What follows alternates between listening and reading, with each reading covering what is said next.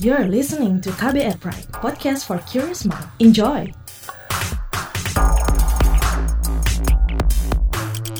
Debat sebat. Debat sebat. Rokok selalu dikaitkan dengan kehidupan anak muda. Kesan berani dan gagah selalu muncul di setiap promosinya. Bagaimana faktanya?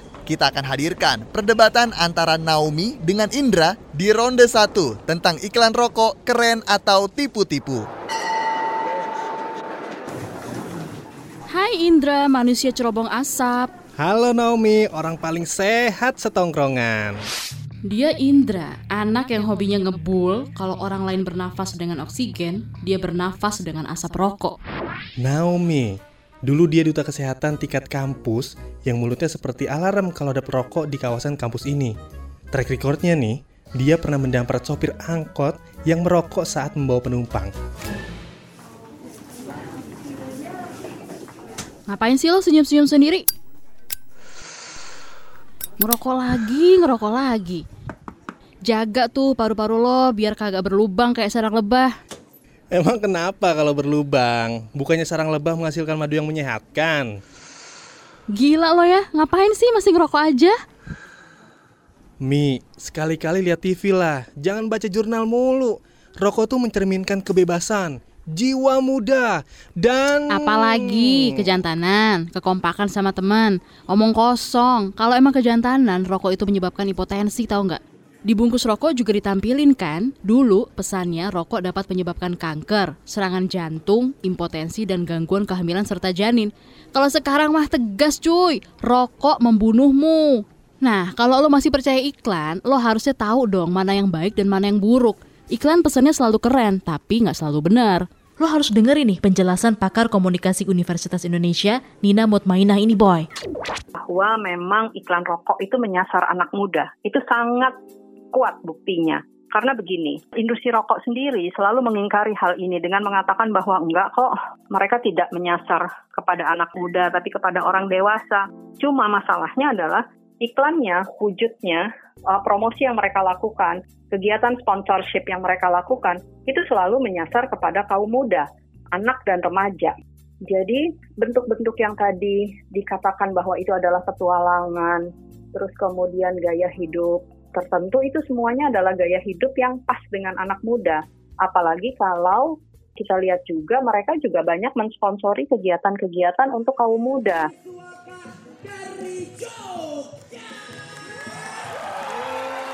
Dan ketika mereka menargetkan kepada kaum muda kan segala bentuk kemasan iklan, promosi, dan sponsornya harus selaras.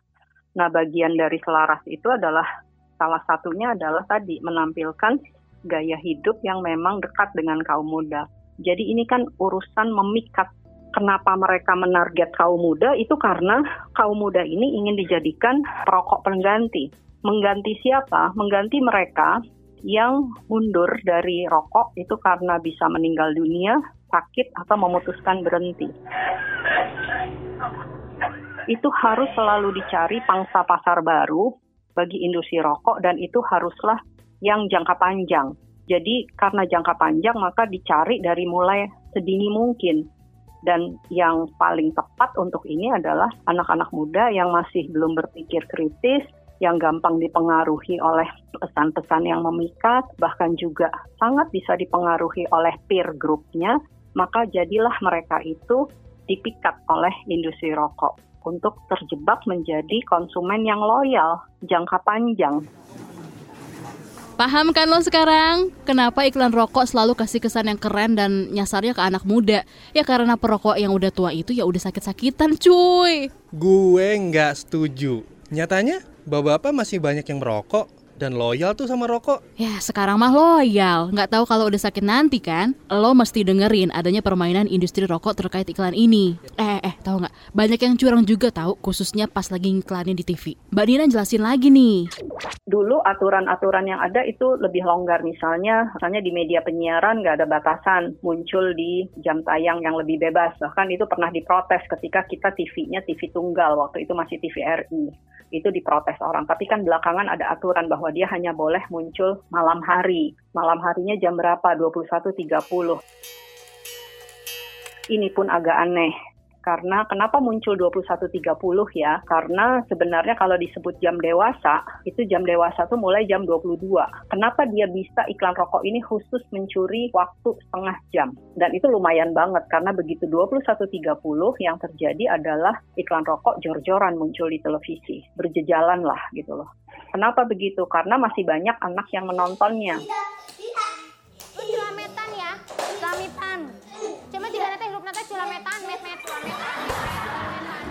Jam 21.30 itu masih banyak anak nonton TV dan anak-anak ini adalah nonton TV dari sebuah acara yang masih berlanjut dari jam sebelumnya. Misalnya dari jam setengah delapan, jam 8 itu nonton film. Nonton filmnya baru mulai jam 8 filmnya belum berakhir pas jam 21.30. Sementara 21.30 pada saat nonton film sebelumnya nggak ada iklan rokok. Tapi begitu 21.30 iklan rokok muncul. Aku beri satu permintaan. Enggak. Menyedihkan karena kategori acara yang dia tonton itu kategorinya R, remaja. Artinya seharusnya aman untuk remaja itu bahkan juga banyak ketika remaja misalnya nonton acara-acara siaran langsung yang siaran langsungnya dari mulai maghrib terus dia nonton sampai tengah malam maka itu dia kebagian tuh iklan rokok cukup banyak saya sendiri belum tahu kenapa terjadi pencurian waktu setengah jam untuk jam tayang dewasa tapi itu pernah diangkat oleh misalnya produk-produk dewasa lainnya jadi ada produk-produk dewasa misalnya alat kontrasepsi yang seharusnya boleh muncul iklannya jam 22. Nah, produk ini iri tuh sama iklan rokok. Kan ini kan nggak aman untuk anak-anak. Tapi kenapa boleh muncul 21.30 ya? Loh, kan iklan rokok biasanya juga malam. Apa harus ada jam-jamnya? Jam setengah 10 malam tuh anak-anak udah tidur cuy. Masa iya masih ada yang melek nonton TV? Lo di rumah nggak ada TV? Atau nggak ada anak kecil gitu yang suka nonton TV? Itu bukti nyata, boy. Udahlah, kalau emang curang mah curang aja, jangan dibelain lah. No, no, no, no, gue nggak setuju nih. Emang ada promo yang dibatasin ya? Nah, lo nggak tahu lagi kan? Banyak aturannya. Ada aturan periklanan, ada juga aturan perlindungan anak. Tinggal milih aja, lo mau yang mana. Semuanya itu ngebatasin iklan rokok. Eh inget ya, sebenarnya gue juga nggak setuju sih kalau iklan rokok itu dibatesin. lo juga sadar ternyata. Gue juga gak setuju kalau iklan rokok itu harus dibatasi. Iyalah, gue kira jangan dibatasi, tapi dilarang. Meskipun iklan rokok dibatasi, Mi, lo harusnya juga sadar kalau iklan ini gampang ditemukan di media sosial. Banyak akal kan? Betul sih, tapi gue tetap gak setuju. Gue yakin industri-industri itu memanfaatkan kondisi untuk nyekokin anak bangsa jadi ngerokok. Ya, kayak lo sekarang gini lah. Coba deh, simak penjelasan Mbak Nina lagi. Jadi ini di Indonesia ini yang nggak ada pelarangan iklan rokok, yang ada pembatasan. Pembatasan itu adanya di media mana saja di semua media sebenarnya. Dia boleh muncul tapi dengan batasan-batasan misalnya tadi nggak boleh menampilkan wujud rokok, tidak boleh tampil macam-macam lah aturannya. Harus dengan peringatan bahaya gitu ya. Berhenti merokok sekarang juga. Rokok membunuhmu hidup-hidup. Tapi memang di seluruh dunia sebenarnya, Mbak. Kalau kita bandingkan antara media lama, media yang konvensional uh, dengan media baru, media konvensional itu seperti uh, televisi, radio, media cetak gitu ya. Uh, itu ada aturan-aturan yang relatif lebih ketat untuk toko, tetapi tidak terjadi pada media baru, internet, media teknologi informasi. Nah, justru ini menjadi media yang saat ini menjadi surga surganya bagi industri rokok sekarang ini. Kenapa? Pertama, karena aturan di media baru ini jauh lebih longgar dibandingkan media massa. Yang kedua adalah anak muda yang jadi sasaran mereka itu kan pengguna media-media baru ini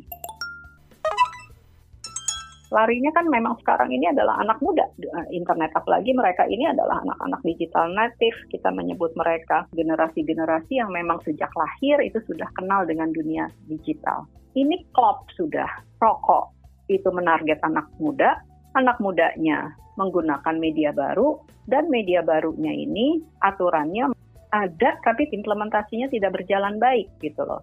Dan ini bukan khas Indonesia tapi berbagai negara dan itu dianggap bahwa justru dunia baru ini membuat hal-hal yang seperti bisa mewujudkan gitu loh.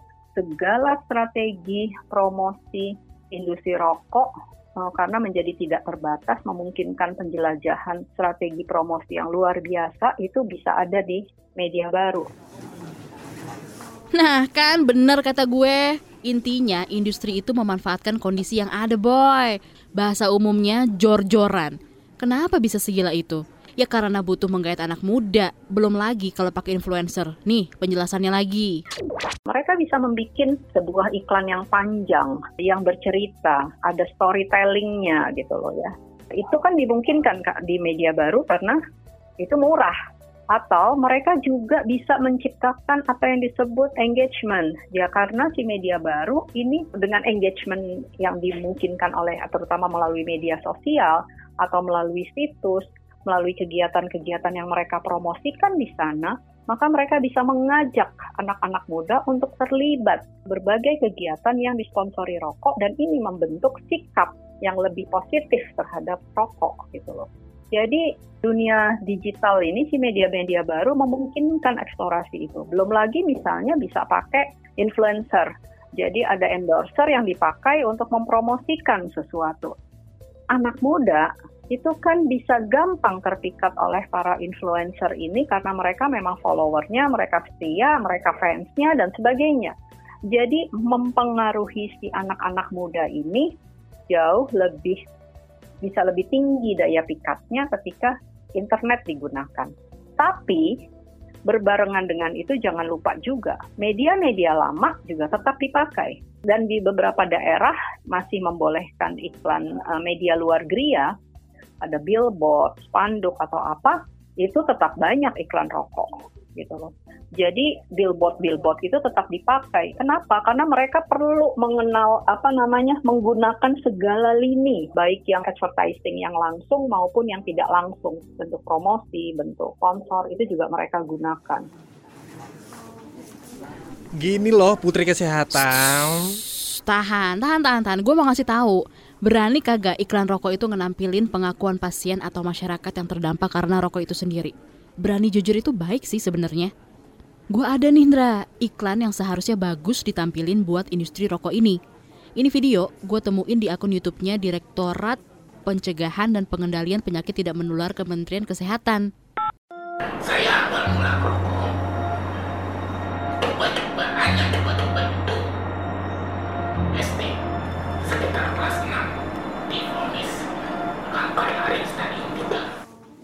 Di video ini menjelaskan kalau Mas Robi menjadi penyintas kanker laring akibat merokok.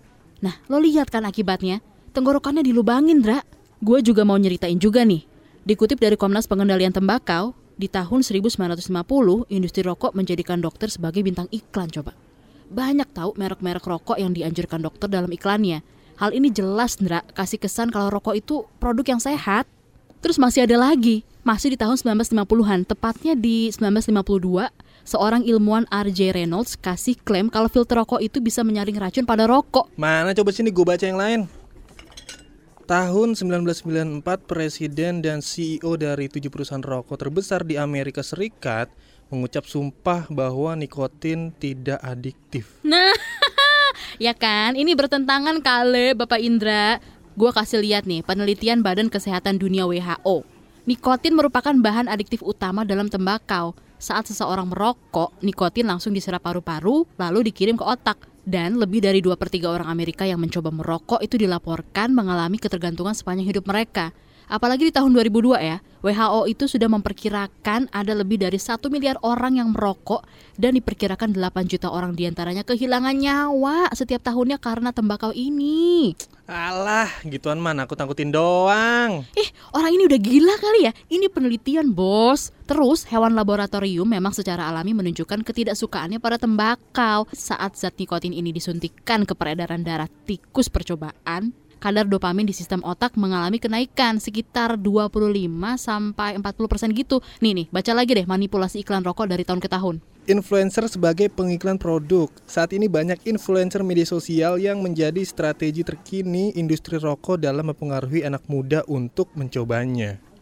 Lo tahu kan kenapa sekarang lebih menyasar influencer dan media sosial? Terus kenapa iklannya keren-keren? Gue tegesin sekali lagi nih pak perusahaan rokok itu nyasarnya perokok pemula karena dia sadar yang tua itu kan udah sakit-sakitan. dan pasti mencoba berhenti merokok.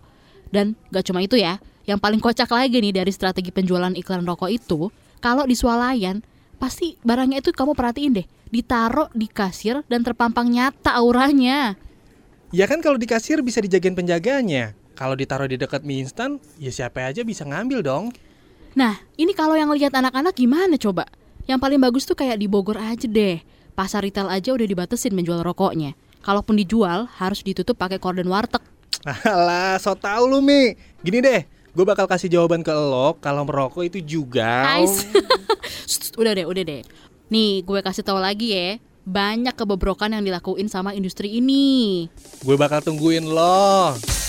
Di episode berikutnya, kita masih akan terus menyimak perdebatan antara Naomi dan Indra. Ikuti terus ya, podcast Debat Sebat. Simak di KBR Prime, podcast for curious mind. Podcast ini juga bisa didengarkan di Spotify, Google Podcast, dan platform mendengarkan podcast lainnya. Kalau kamu punya saran atau usul tema, kamu bisa email di podcast. Ikuti terus update podcast ini di Instagram di kbr.id dan di Twitternya di at KBR.